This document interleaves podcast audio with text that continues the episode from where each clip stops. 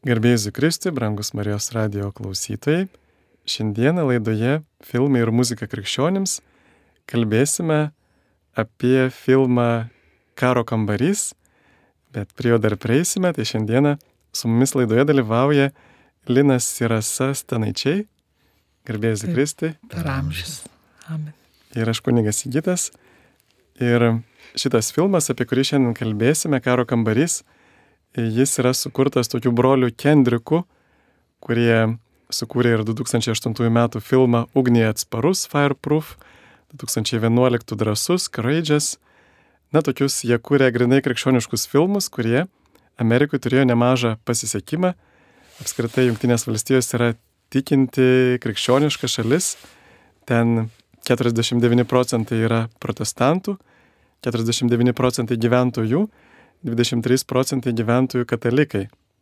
Taigi JAV turi didžiausią krikščionių bendruomenę, didžiausią krikščionių tokią populiaciją pasaulyje iš 330 milijonų, 72 procentai krikščionių. Panašiai ir Lietuvoje turbūt yra krikščionių procentas, pas mus labiau yra katalikiškas kraštas ir todėl galime matyti daugelį tų krikščioniškų filmų, jie tokie e, ne katalikiški, bet e, protestantiški, krikščioniški, bet kaip jums, pavyzdžiui, Linai, ar netrukdo žiūrėti krikščionišką filmą, kai jis nėra katalikiškas, bet kitokios konfesijos, denominacijos sukurtas? Man netrukdo. Iš tikrųjų, žiūriu dabar kažkaip visokius filmus ir, ir grinai katalikiškus, ir, ir protestantiškus, ir iš tikrųjų įvairius. Iš tikrųjų, atrandu iš naujo kiną ypač krikščionišką, su krikščioniškom potekstėm. Manau, kad visokių reikia, kiekvienas randa savo vietą ir tie tiesioginiai tokie atrodo, kurie galbūt ir, ir, ir keisti atrodo ir, ir, ir per daug čia tiesmukiški, bet manau, kad kiekvienam yra savas e, žiūrovas ir kiekvienam yra tas laikas, nuo ko vis tiek nuo kažko reikia pradėti. O kaip jūs, Ras, ar mėgstat grinai tokius krikščioniškus filmus, na, kurių yra tas atviras tikslas evangelizuoti žiūrovą? Tai įvairūs ir tie patinka ir, ir, ir, ir ne visai tokie atviri, kad jau evangelizuoja, patinka įvairūs žanras. Nes kodėl klausė, esu girdėjęs tokią kritiką, nežinau, kiek jinai yra pagrista. Mm. Magalinas irgi jau šiek tiek užsiminė, kad e, krikščioniški filmai, na, kažkas su jais liktai ne taip, jie gal per daug tokie tiesmutiški. Ar čia ta kritika, jūs manote, yra pagrista? Na, aišku, turbūt tų filmų, aišku, yra daug ir sunku pasakyti apibendrintai. Nu, vėlgi, koks yra tikslas režisieriaus iškeltas, jeigu tai toks grinai kažkoks evangeliacinis, toks tiesiogiai skelbta evangelija, tai gal ir jis yra toks tiesmukas gana. Bet iš tikrųjų, sakau, čia kiekvienas žiūrovas yra, kaip pasakyti, vienas pažengęs, kitas nepažengęs, o Dievo žodis jis kalba kiekvienam. Jis kiekvienam kalba. Tai nėra taip, kad, suprantat, tas žodis galbūt nekalba man, nekalba tam, kuris sako čia per daug tiesmukiška, nes kaip čia su viena jaunuolį girdėjęs, kad jisai patarnautojų buvo ir kiekvieną dieną skaitykit girdėjo Dievo žodį ir maldą ir visą kitą ir sako, man nieko nesako. Tai nesako tik dėl to, kad gal nėra to, tos patirties, ne tas laikas, bet kiekvienam ateina tas laikas. Vėliau ar anksčiau. Ir galbūt tie filmai tokie paprasti atrodo, kurie yra tokio bendro pobūdžio, bet tas kelia susidomėjimą, jeigu žmogų užkabina ir toliau kviečia žiūrėti ir sudėtingesnius filmus, tai aš manau, jie savo tikslą pasiekė. Aš prisimenu, kaip Jėzus motinai Teresijai iš tos knygos, kuri buvo skaitoma kalbėjo, kad, e, sako, noriu, kad tu mane neštum pas tuos vargšus, pas tuos žmonės, kurie manęs nepažįstų ir todėl jie manęs netrokšta, nes jie manęs nepažįsta tiesiog. Bet jeigu tu paliudytum jiem tą mano meilę, šviesą, tai sako, tada jie manęs trokštų. Tai iš tikrųjų čia turbūt yra susijęs to žmogus netikėjimas ne tiek su jo paties gyvenimu, kiek kitų negebėjimų turbūt paliudyti tos Kristaus meilės ir man atrodo, kad tokie filmai labai reikalingi, tokie ir tiesmukai krikščioniški, bent jau man jie labai patinka, nes jie tokie pakelia, įkvepia, pasakoja tokias istorijas, kurios įtraukia, pamoko, na vis tiek istorija, pasakojimas e, kažkaip daug įdomiau perteikia krikščionišką mintį, Dievo žodį, negu va šiaip tiesiog e, mokymas. Kaip Jūs manote, kodėl toks filmo pavadinimas Karo kambarys? Beje, tas filmas sukurtas 2015 metais, kaip minėjau, brolių Kendrikų filmų kompanijos. Man atrodo, kad labai parinktas geras pavadinimas. Atspindi to viso filmo, kaip sakėjim, visą veiksmą. Nes e, ta kova, kuri vyksta, iš tikrųjų turi vykti pas patį žmogų viduje, tai taip ir kaip kambarys, nu, kaip, sam, kaip tavo erdvė. Ir kad tu pamatytum aplinką kitaip arba priimtum kitaip išoriškus visus gyvenime sutiktus įvykius. Šiuo atveju šitam filme tai šeimoje sudėtingės situacijos, kad e, tu viduje su malda perkeistum. Tai ta malda yra kaip ginklai, tavo kaip ginklai prieš visą, sakykime, sunkumus visus kovoti. Tai man tai labai tas pavadinimas atrodo tinka šitam filmui. O kad tai yra karas, tai čia yra akivaizdu. Jeigu pasižiūrėsime į besiskiriančius žmonės iki tiesioginė ta žodžio prasme karas ir, ir resursų, ir dėl vaikų, dėl, dėl įvairiausių dalykų, ten tiesiog kariaujama. Ir gal, gal mes to, kaip pasakyti, nesureikšminam, bet iš tikrųjų yra labai skaudus dalykas, nes aplinkui besiskiriančių porų tikrai yra labai daug, labai daug ir kaip kiekvienam kare yra nukentėję. Tai pirmiausia, aišku, sutoktiniai, o labiausiai tai vaikai, kurie neša jau po to tas visas pasiekmes viso šito karo. Šiek tiek dar praskleisiu to filmo siužetą. Iš pradžių jis prasideda tokiais karo vaizdais ir jau tada apsidžiaugi, o čia bus veiksmo filmas. Ir paskui pamatai, kad čia vis dėlto buvo įžanga į tą dvasinį karą, dvasinę kovą. Ir eina kalba apie tokią tobulą šeimą iš pažiūros, Tonio ir Elizabeth Jordan šeima. Jie turi puikų darbą, gražią dukrą, svajonių namą, bet ir, ir daugybę visokiausių problemų, galima sakyti, ant skirybų slengščio, jie, pat, kaip minėjau, tarpusavėje kariauja ir nežino, kaip išbristi iš to ir galiausiai paskui susitinka tokią moterį Klarą, kuri e, vat, nusiveda į tą savo karo kambarį, savo maldos kambarėlį iš tamsaus kambariuko padarė maldos kambarėlį. Tarp kitko labai turbūt gera idėja, nes vis tiek mhm. namuose turbūt reikalinga tokia vieta, kur galėtų melstis vienas pabūti, kur ne, taip vienumoje su Dievu. Ar jūs turite tokią vietą savo būte name? Dar svajojam, tad niekaip dar neišeina, kol dar yra mažių vaikų, tai iš tikrųjų sudėtinga. Mes kažkaip namie melžiamės kartu, o jau kai dirbi ar kažkur kitur esi, tada vienas būni jau. Bet namie kažkaip daugiau visą kartą turbūt melžiamas. Taip, iš tikrųjų yra gera ir kartais kai kurie žmonės, kaip tenka matyti, balkonuose įsirengia arba tą patį tamsų kambariuką galima įrengti, pavyzdžiui, maldos kambarį. Taigi šita šeima, jinai iš pažiūros tobula, bet iš tikrųjų viduje labai daug sunkumų ir beveik tokia vos išsauganti tą šeimą į savo santoką. Ir kaip jums atrodo, ar, ar jūs irgi dažnai susidurėt su šeimomis, kurios, na, kitoms atrodo gražiai, beveik tobulai, bet iš vidaus e, viskas daug sudėtingiau? Taip. Taip yra daug ir, ir matom, ir, ir, ir pažįstam. Taip yra labai sunku ir šalies, jiem patiems sunku, ir mums šalia esantiem sunku ir atrodo net neįsprendžiama. Be Dievo tai man atrodo net neįsprendžiama, taip atrodo, ne, neįmanoma sudėlioti, net atrodo ir veiksmų, bet va, filmas tas, kaip sakoma, tikrai duoda tokį gerą tokį vat, impulsą vat, pasižiūrėti žmonėm, kuriem tai tikrai sudėtinga, kaip rasti jėgų iš tikrųjų su malda, tikėti ir, ir kaip ta moteris vyresnė pasidalina savo gyvenime patirtim, kaip ir toks pamokymas. Tai vat, bet labai reikia, kad norėti ieškoti, bet kad neužsidaryti savo sunkumuose. Na, aš manau, kad jo, nereikia ten net žiūrėti į kitur, taip sakant, mes irgi gyvenam kartu ir, ir visada iškyla kažkokios tai problemos. Tiesiog toks yra gyvenimas, mes esam skirtingi, turim savo vizijas kažkokias. Ir būna tokių atvejų, kad einam bat kartu į bažnyčią ir beidami susipykstam ir aš į vieną bažnyčią, rasa į kitą. Bet ačiū Dievui, kad yra, yra Dievas, kuris kalba. Kaip esu girdėjęs.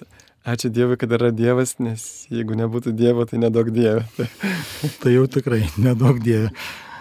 Bet vat kažkaip yra Dievas, kuris apsuka, kažkur pabeldžia, kažkam parodo ir tiesiog, nu, turi grįžti atgal prie iš naujo kaip pasakyti, perkrauti tą santykį kiekvieną kartą.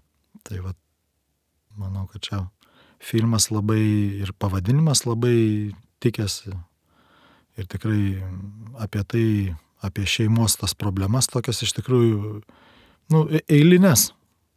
Nes, nu, atrodo, kiekvienas ir stengiasi, ir kažką daro, ir vyras ten dirba, nori būti tobulas ir geras.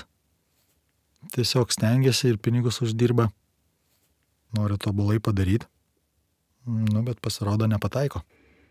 O jūs beje paminėjot e, tą moterį, vyresnę moterį, ir čia tokia įdomi detalė iš filmo, kad e, pasirodo, jai buvo tik 50 metų tuo metu, ir e, kaip pamatysit, jeigu žiūrėsite tą filmą, ta moteris, jinai tokia labai labai išraiškinga, labai tokio, na, kaip čia pasakyti, žavaus charakterio, jinai vieną kartą virtuvėje džiugauja, kad velniai spyri užpakalį ir na, savo maldomis.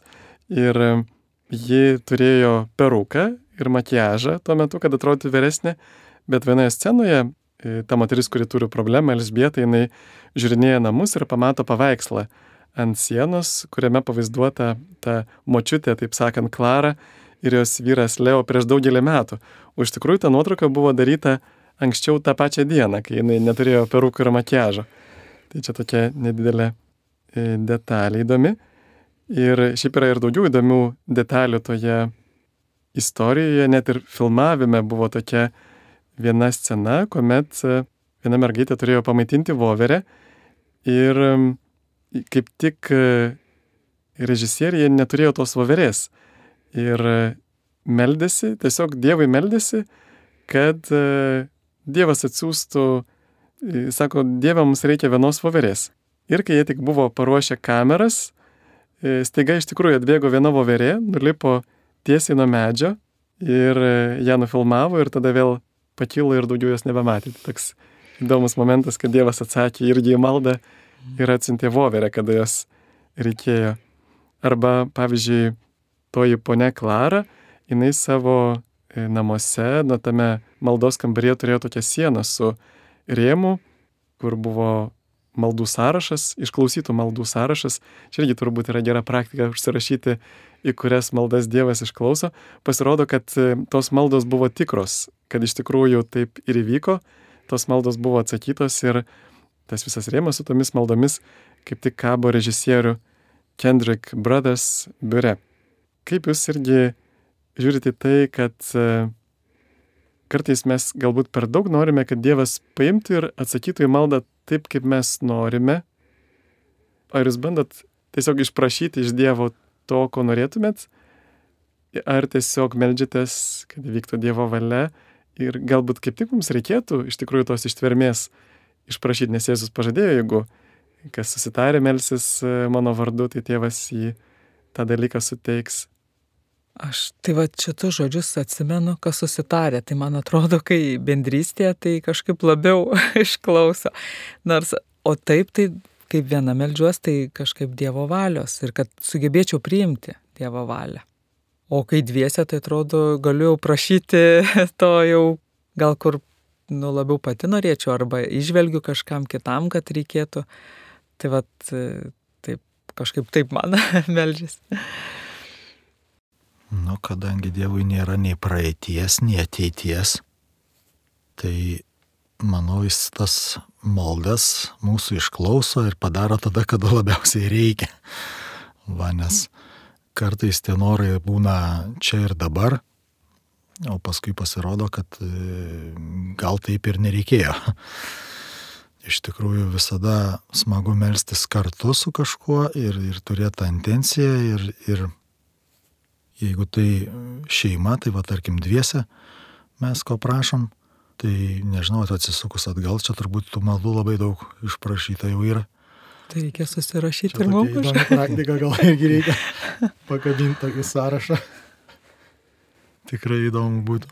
Turbūt stiprina tikėjimą, kai pamatai, kiek Mhm. daug. Čia kaip žydai, kad atsimintų tai, ką Dievas padarė ir kad pasikartotų. Taip, kad mokėtum ir padėkoti, ne tik sakyti, kad mums nieko neduoda, viskas čia blogai. Ir ypatingai va čia dirbant Marijos radijui kartais būna tokių poreikių, kur tiesiog pagalvoji, kad labai reikėtų. Pavyzdžiui, čia vat to dalyko trūksta laidoms, čia va tokių žmonių trūksta. Ir nekartą patyriau, kad, e, aišku, ne visada tai, bet būna tokiais momentais, kad tu atrodo pagalvoji ir tą pačią dieną va sutinki, pavyzdžiui, tą žmogų, kurio reikėjo. Tarsi Dievas netgi atsako vien tik į tai, kad nu, jis žino, ko iš tikrųjų reikia ir ką pagalvoji, tiesiog net į mintį atsako. Ir, o kartais, man atrodo, tikrai reikia tokio ištvermingumo, kad, na, pavyzdžiui, jeigu aš meldžiu atsivertimo malonės kokiam nors žmogui, tai ir iš tikrųjų ištvermingai tol melstis, kol Dievas suteiks tą atsivertimo malonę, jei jis tikrai nori suteikti, tai kartais turbūt reikia pakovoti, bet kartais neveltui ta malda ir vadinama kova, nes tu turi iškovoti tą sielą iš šetono gniauštų. Arba tol kovot, kol tas žmogus, na, turės jėgų nugalėti savo visokias nuodėmės priklausomybės, tai turbūt yra visai nebloga praktika paimti ir užsirašyti savo intencijas ir ištverti juose. E, Tai man tikrai būtų gera pasimokyti iš to. O dar sugrįžkime apie kančią tų vaikų ir kančią šeimoje, kada tėvai pykstasi ir galbūt jų ir pavyzdys turbūt gali sukelti tokią baimę, kai tėvai nuolat kariauja, kad kai jie patys sukurs savo šeimas irgi bus taip pat. Ir ar nebūna taip, kad e, tas jaunas žmogus, jisai net jau iš baimės, kad gali būti taip pat kaip su mano tėvais, jis taip ir pradeda elgtis, kad e, iš tikrųjų su juo pradėtų kariauti staktinis. Nu, yra vaikai, kurie taip modeliuoja gal arba tai priima aplinką, bet jeigu man pačiai gyvenau įsiskyrusiai, kaip sakoma, šeimoje tai gavus, tai mama gyveno viena ir, ir, ir tėtis anksti, kai užsiskyrė, bet man kažkaip vedė mama per tikėjimą visada. Ir aš neturėjau to, tokio, atrodo, va, tos baimės. Kažkaip tai, tie, pa, dabar galėčiau irgi va, dar paliūdyti, kaip išklausimą mamos, turbūt mamos intencija, ta buvo, nors niekad iš tikrųjų tikslingai to neklausiu, bet dabar va, taip kilo mintis. Tai va, bet yra, kur dabar va, kokių paaugliukų, kurie turi tokias patirtis, taip, yra tokios mintis. Taip, taip pritariu. O gal tada iš viso nereikėtų mums svajoti apie tobulą šeimą, gal čia tokia tobula šeima yra kaip rojus žemėje.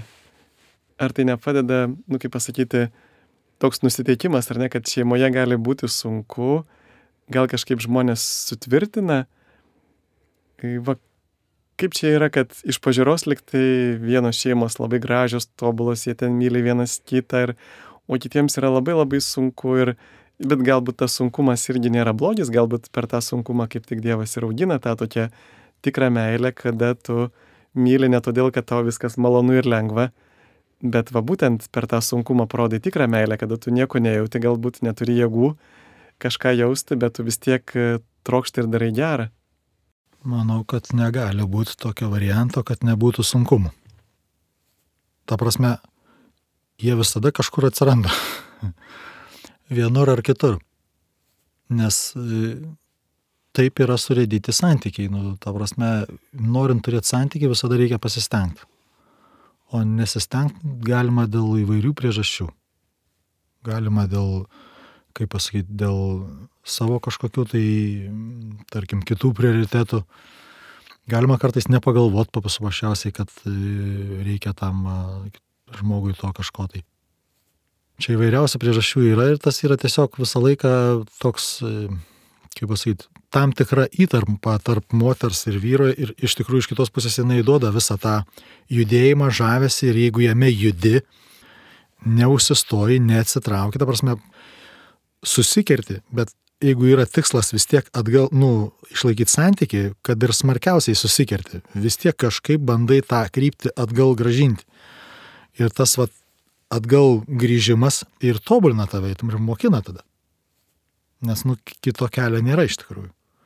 Nu, ne, nesi tobulas, nežinai visko, ko reikia kitam žmogui. Ateina patirtis, ateina kiti dalykai. Esu negirdėjęs, kada e, dviejų žmonių santykis e, kažkaip suyra, na, susipyksta. Pavyzdžiui, jie tai galima tai pavaizduoti kaip tam tikra virvute, kuri buvo tarp jų ir nutrūko ir kai ją reikia surišti, jinai sutrumpėja. Tarsi tas santykis pasidaro toks artimesnis. Ar jūs esate irgi tai patyrę, kad kada reikia susitaikyti, kažkaip tada tas po susitaikymo tas ryšys toks gaunasi dar tvirtesnis, nes tu turi nusižeminti, atsisakyti savo puikybės, teisuoliškumo ir tai kaip tik dar pagerina tos santykis. Jeigu turi vilti, kad taip daugiau, kaip sakoma, stipriai nesipyksi, turi vilti, tai tada taip, tada taip, tada suartina, nes tu tokią viltį turi, nu, kad galima bus kalbėtis apie tai, jeigu kažkaip, o jeigu neturi vilties, tai nežinau. nežinau, bet taip tai. Ypatingai, kada mes patys padarom tam tikrą klaidą, pavyzdžiui, neteisingai apkaltinam. Ai, tai jeigu priima. Taip, jeigu kitas priima ir tau sugeba atleisti ir tu supranti, kad tau, kad tu susimovi ir tau, tai taip, tada taip, tada jau labai toks dėkingumas, nes tu nori to, to ryšio, to santykio ir jeigu tave priima, taip. Nu, man tai čia sunkiausia vieta. Aš esu geras ir tobulas. Ir ta prasme pripažinti savo kažkokį, tai čia yra sudėtinga. Ir tas vyksta jau per laužimąsi jau. Sunkiai. Bet ačiū Dievui. Kaip tik ir tas e, personažas, e, vienas iš pagrindinių veikėjų, tai Tonis, e, Elsbietos vyras, jisai yra labai sėkmingas verslininkas, ten pardavėjas, prekybos agentas ar kokį ten darbą dirba, bet paskui galiausiai paaiškėja, kad jisai visą laiką sukčiavo ir kad ta jo sėkmė buvo netikra ir kad ta jo sėkmė kaip tik netgi įvedė į tokią pasipūtimą, puikybę, kad aš čia geresnis už kitus ir, ir galiausiai netgi nuvedė ir neištikimybę. Tai kartais e, va tos įvairios nesėkmės mūsų gyvenime kaip tik mums leidžia, na, labiau tokioje atsistoti tiesoje, tiek, tiek su savim, tiek su Dievu, tiek, tiek su kitais žmonėmis ir, ir kartais va, ta sėkmė gali būti kaip tik toks kelias šiek tiek į, kaip ir čia matėm, kad jo sėkmė buvo kelias į šeimos sugriuvimą ir jis tos sėkmės siekia bet kokią kainą, netgi ir apgaulės kainą ir galiausiai tai aišku davė tokių blogų vaisių, kad viskas turėjo sugriūti. Nu, čia visada, ta prasme, natūralu, kad norisi kad tave vertintų. Bendruomeniai, darbe, šeimoje. Tai yra nu, kaip natūralus poreikis, kurio siekiu. Nu ir kartais būna, kad perlinkiu. Noriu, nenori. Tai visus tuos perlinkimus tu gali pamatyti būtent, to, tarkim, šeimoje tam santykiai. Ir iš kartas matosi tas. Kaip kitas. Taip, tie dalykai kertasi, tu matai tada, kad kažkas ne taip. Ir tada jau tik tai, kaip pasakyti, nuo pasirežimo būti kartu, nuo apsisprendimo, nuo meilės, nuo Dievo malonės priklauso, kaip tu vėl prieini prie šito dalyko, kad kažkaip tai taisyt.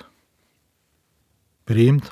Aišku, pirmiausia, reikia norisi pirmiausia pataisyti e, sutoktinį, kad būtų geresnė. Bet pasirodo, kad reikia pačiam pasitaisyti. Čia sudėtingi klausimai. Tai gerbiami klausytojai, girdite laidą Filmai ir muzika krikščionims. Laidoje dalyvauja Rasa ir Linas Tanačiai. Laidą vedu aš kuningas Sigitas Jurkštas. Ir mes toliau kalbam apie filmą karo kambarys, War Room. Ir beje, tą filmą rasti galite, anksčiau galėjote krikščioniškų filmų svetainėje, dabar turbūt galėsite rasti ten tik tai subtitrus. Tai irgi svarbu, kad krikščionis nežiūrėtų filmų nelegaliuose svetainėse arba bent jau iš tikrųjų sumokėtų va, tą kainą, kur yra parduodama, kad ir už kitą kalbą filmas. Na ir dar keletą norėjau papasakoti tokių įdomių smulkmenų iš šito filmo. Broliai Kendrikai, to filmo režisieriai, jie naudoja tam tikrus ženklus visuose savo filmuose. Pavyzdžiui, yra toks filmas Magratis, kurį jie išleido 2003 metais ir tame filme buvo pagrindinio veikėjo įmonė vadinasi J. Austin Motors. Ir įdomu tai, kad tas ženklas J. Austin Motors, jisai kartojasi visose Kendrikų sukurtose filmuose. Visur galima tam tikroje vietoje atrasti automobilį su tokiu ženklu, arba pavyzdžiui, lygiai tas pats su pusryčių dripsniais. Irgi yra tokie Amerikai pusryčių dripsniai panašių pavadinimų, o čia yra šiek tiek pakeistas pavadinimas Coney Bomb ir, man atrodo, Tony Comb yra originalas. Ir galima pamatyti, kad žmonės valgo tokius neegzistuojančio ženklo dripsnius kiekviename Kendrikų filme. Arba dar viena įdomi detalė, kai filmo pabaigoje vaizduojamas toks vienas vyras, kuris meldžiasi, maldos karys. Ir iš tikrųjų tas filmas, tas vyras iš tikrųjų yra realus žmogus, kuris meldėsi už savo tą miestą jau 20 metų. Ir va režisieriai norėjo jį būtent parodyti toje filmoje. Arba dar viena įdomi detalė, kada Tonis, e, tasai e, iš Elsbietos vyras, kuris, e, na, buvo ten sėkmingas per sukčiavimą savo darbę ir kur ėjo blogais keliais, buvo neištikimas savo žmonai ir taip toliau, jisai pabunda iš savo košmaro ir laikrodis rodo 7.14, 7 valandos 14 minučių ir pasirodo autoriai ten norėjo užkoduoti Biblijos eilutę iš antros kronikų knygos 7 skyriaus 14 eilutės. Tai yra Biblijos eilutė, kurioje yra ta pagrindinė filmo mintis.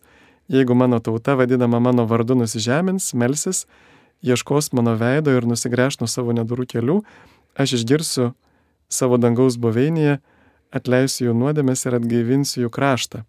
Dar viena įdomi detalė - tas pastatas, kuris buvo naudojamas kaip tos mačiutės, vadinkim, klaros, kurie buvo tas e, e, maldos kambarys namas, priklausė pastoriui ir pastorius leido jį išnuomoti mėnesiui, būtent e, filmavimai Ir jis prieš tai bandė parduoti tą namą devynis mėnesius, bet jam niekaip nesisekė.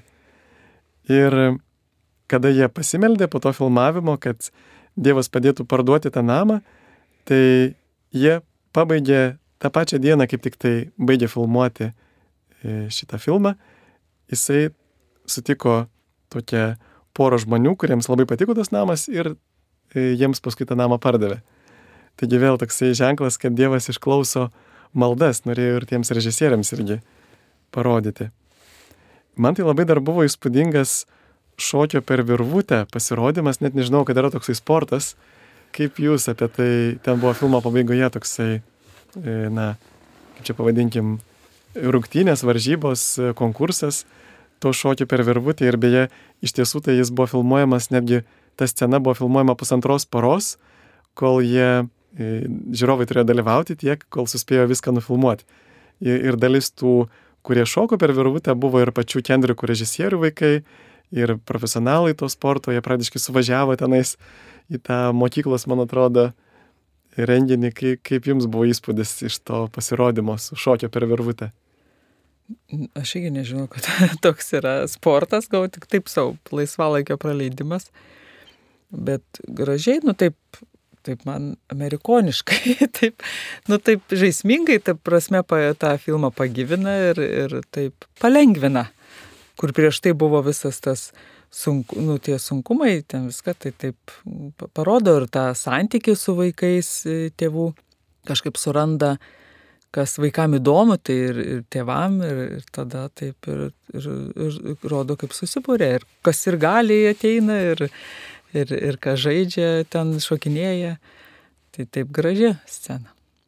Čia turbūt buvo ir jų dukros tokia iniciatyva, kuri būdavo visą laiką nelaiminga, kad mama nekreipia dėmesio į ją, neišklauso, neteina į varžybas į tėtis, o dabar jis ne tik, kad, na, jis po to atsivertimo, taip jau, va jo atsivertimas santykė su Dievu kartu ir lėmė tokį atsivertimą santykė su artimaisiais ir jisai pradėjo su savo dukra bendrauti su šeima, ateit pas ją į varžybas, netgi pats paskui išmoko ir sudalyvavo, atrodo, tose varžybose. Taip. Tai tikrai va gražus toksai Mhm. tėčio įsitraukimas į savo vaiko sportą, atrodo net nevyriškas dalykas, šokinėti per virvutę, nors ten labai gražiai šokinėja tikrai su visokiais salto ir panašiai. O kaip Jūs manot, apskritai apie filmo istoriją, ar ji įtikinama? Taip yra įtikinama, kai pasižiūri taip, vat, e, kaip einant per gyvenimą, tai pa- pasižiūrus atgal, tai taip įtikinama, bet gal kas žiūrint, kas e, gal pradžioj santokos atrodytų gal neįtikinama, bet iš tikrųjų, nes tie krikščioniški, va kaip pradžioj išnekėm tie filmai, jie dažniausiai būna tokie, aš taip tokį kaip žodį parinksiu, tokie atrodo lėkšti, bet kai tu eini tikėjimo keliu, tu visai kitaip žvelgi ir jie pasidaro turtingi. Bet jeigu taip pradžioj, žiūrint, ne, neturint to tikėjimo, tik tai va, tai atrodo labai banalu, nu taip atrodytų. Čia panašiai kaip gatvėje prieina koks nors evangelikas, Taip. protestantas ir sako, Taip. ar tiki Jėzų Kristų, važiavęs, stabdo su dviračiu. Taip, bet kai jau tu turi santykiai, gal mažesnė ar ten didesnė, tada tau kitaip žiūrisi, viskas jau gilėja, visi tie, visi tie įvykiai, kas ten vyksta. Tai viskas priklauso nuo santykio. Jeigu neturi rimtų santykių, tai ir tokie dalykai neįdomus. Jeigu neturi vaikų, tai nelabai įdomu, gal ten ir apie tų vaikų auklėjimą ir visai kitaip atrodo, tarkim, daug pažįstamų, tarkim, nuo studentiškų laikų. Vieni, yra žmonės, kurie, tarkim, nemėgsta vaikų. Ten sako, va, aš turėčiau vaikus, tai čia taip auklėčiau, taip daryčiau. O kai pamatai po kažkiek metų, kaip tie patys žmonės, kurie šnekėjo, taip kaip jie dabar tos vaikus prižiūri, tai yra visiškai 180 laipsnių viskas yra kitaip. Todėl, kad žmogus visada keli ir visada nesi toj pačioj vietoj. Ir kalba visai kiti dalykai kiekvieną kartą. Ir tą patį filmą žiūrėdamas, tu vieną kartą gali nieko nepamatyti, kitą kartą tai tau bus tarkim, šeimai, kuri tikrai mm, turi va, tokių problemų, tai gali būti tiesiog atradimas. Nes visada įsivaizduoji, kad jeigu tu viską darai, tai tu turėtum gauti ir tokį rezultatą, kad ir, ir tau turėtų kažkas tą rezultatą atiduoti. Bet taip nėra. Ir čia ir yra tas va, karas, tas tam savo kambarėlį. Teisingai kariauti savo kambarėlį. Bet kad teisingai kariauti, reikia kažko remtis, kažkokią patirtim, ta prasme, nes jeigu nesiremi kažkokiam patirtim, o tik vien jausmais man dabar patinka, nepatinka, tai bet kokiu atveju vėliau anksčiau nusivilsi ir nuvilsi kitus ir, ir aišku, šeima tai yra toks dalykas, kur visada yra ne vien tik tos dvi pusės, kaip pasakyti, šeima auga ir ateina vaikai, už kuriuos esi atsakingas ir automatiškai, sakyčiau, iš vis santoka tai yra toks gyvenimo egzaminas realiai. Ir skirybos tai yra tiesiog, nu, neišlaikymas to egzamino. Tai yra ak akivaizdus neišlaikymas. Ir tai nėra niekad vieno kaltė, visada yra ten daug variantų. Ir vad, kur apčiuopti tos kažkokius dalykus, kurie gali padėti, nes iš savęs ne visada vis gali savo padėti. Tai čia kaip mūsų vieni draugai sakė, aš, aš didžiuojas, kad esu katalikų bažnyčios narys, kad katalikų bažnyčia turi atsakymus į visus klausimus, nes tai yra patirtis kelių tūkstančių metų senumo. Ir dar ne viskas. Mes kaip katalikai tuokiamės bažnyčiai ir visada dalyvauja mūsų santokoj trečias - Dievas. Mes prieš Dievą prisiekiam, Dievas pasižada, Jėzus su mumis kartu eina. Ir tai yra va trečia jėga, kuri visada siekia to suvienimo. Ir jeigu tu kreipies į tą trečią jėgą, jeigu tu kreipies į bažnyčios e, patirtį, tu gali atrasti tų dalykų, kurių tikrai pats taip paprastai nesugalvosi. Tai va čia ir yra tas vat karas ir dar žinoti tos ginklus, rasti tą pagalbą. Tai va, manau, kad kas va, turi tokių problemų, tai tikrai tas filmas, kur, kur leidžia suprasti, kad ne vien savo jėgom reikia spręsti tos dalykus. Ir jie neišsprendžiami savo jėgom. Ir matom, kad Klaros, tos močiutės, kurie mokė, kaip kovoti Elsbieta toje dvasinėje kovoje, Biblija buvo labai labai suskaityta, jinai tiesiog tokia visiškai sudėvėta. Ir retas iš mūsų turbūt turime tokią sudėvėtą Bibliją, nes dažnai jos atrodo kaip ką tik iš knygyno, nors pragulėjusios jau dešimt metų. O kaip manot, kodėl mes tokie nerangus kartais skaityti Dievo žodį? Mažai problemų turim. Ne, reikia labai laiko išplėšti. Labai laiko. Bet tas, kad būtų laiko, reikia labai samoningumo pasiskirti. Nes kai pasiskiri, randi to laiko, bet jeigu taip nepasiskiri, tai kažkaip ir niekaip nėra galimybės prisėsti. Nors labai ir nori, atrodo, ir, ir, ir tikrai, ir, ir stiprina, ir, bet labai svarbu to laiko paskirti samoningai. Tai ta labai vieta ten stipri, kad maždaug randi laiko pasakyti valandą laiko, ką dar blogai daro su toktinis bet nerandi laiko pasimelst už sutoktinį ir tai va čia ir yra tas va laiko išplėšimas iš tikrųjų. Nu, iš tikrųjų malda yra, vėlgi yra darbas, ta prasme, reika, visur reikalingas įdirbis, bet kokiu atveju. Jo, reikia kažką turbūt paukoti, kuris galbūt tau yra kažkokia maloni veikla, na kaip pavyzdžiui, tarkim, žinių žiūrėjimas, taip. Ir tu gali visą laiką žinio, žiūrėti žinias valandą per dieną ar daugiau, galbūt užtektų ir 15 minučių pažiūrėti, bet vat, yra sunku, reikia save nugalėti, va tos tokius įpročius. Man tai dar labai patiko e, tos e, močiutės, vadinkim, Klaros šlovinimas, kaip jinai meldžiasi taip, na irgi tokia gal protestantiškų būdų, bet Dieve šlovinu tave, duok malonės, palaimink, e, palaimink tas, tą šeimą, padėk jiems atleisti, Dieve, tu nugalėtojas ir panašiai, nu va tokiam stiliui jinai meldžiasi. Ir man tai atrodo iš tikrųjų toks dalykas išlaisvinantis iš tiesų, nes turbūt piktoji dvasia jinai nori mus kažkokiu būdu užslopinti, kad ta mūsų meilė būtų silpna užslopinta, malda būtų užslopinta. Ir va to šlovinimo, man atrodo, gal mūsų net ir kultūrai ir gal net ir mūsų katalikų bažnyčiai šiek tiek turbūt trūksta, kad tokio pramušančio, va, tokio piktojo tuos tokius barjerus. Be abejo. Nuo ko prasideda problemos? Kad nepasidžiaugi su toktiniu, nedoroji jo, ne, nesidžiaugi jo, ta prasme, ne, neišsakai kažkokių tai džiaugsmingų momentų ir gali pasirodyti, kad nu čia ir nieko nėra. Taip, ir tikėjime, taip iš tikrųjų, ir santykėje, kaip saimtas, kas gerai atrodo savaime aišku, taip paskesta, o daugiau pasakai, ką, ko trūksta, ko norėtum, gal pataisyt ir taip gaunas, kad nu, užgožia taip susiję visą tas ir taip, bet tai, kad šlovintum, reikia labai turėti tą santykį ir paskui, kad ateitų ta laisvė. Nes ar priims, ar nepriims, na, aišku, su Dievu lengviau šlovint tave priims, bet pavyzdžiui, su to toktiniu, va, pavyzdžiui, džiaugtis, gal kažkas tau patinka, bet gal jisai atmes kažkokios ar idėjas, ar kažką ir gausi tu gal tokia patirtis yra, kodėl gal kitas ar kažkaip kuriuose vietose užsislopina, nes e, atsako to vat, norisi, tos, tos tai kaip gaunasi ir susiveda į laisvę. Į laisvę, kaip sakoma, čia, rodi džiaugsmą, dėk, dėkingumą, e, visus tos e, išreikšti tai garsiai. Tai čia su laisvė, man atrodo, susiję.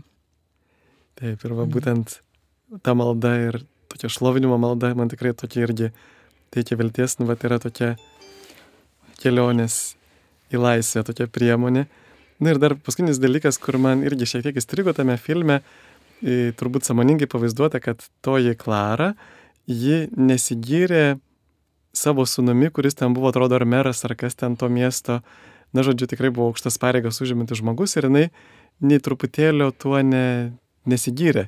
Per visą laiką, kai jinai draugavo su su ta jauna moterimi, jinai nepasakė, kad va, žiūrėk, čia kaip žmonės mėgsta pasakyti, va, tai mano ten giminė buvo tokie ir tokie bajorai, o va, reiškia, mano ten sunus yra toks ir tokias pareigas užimantis.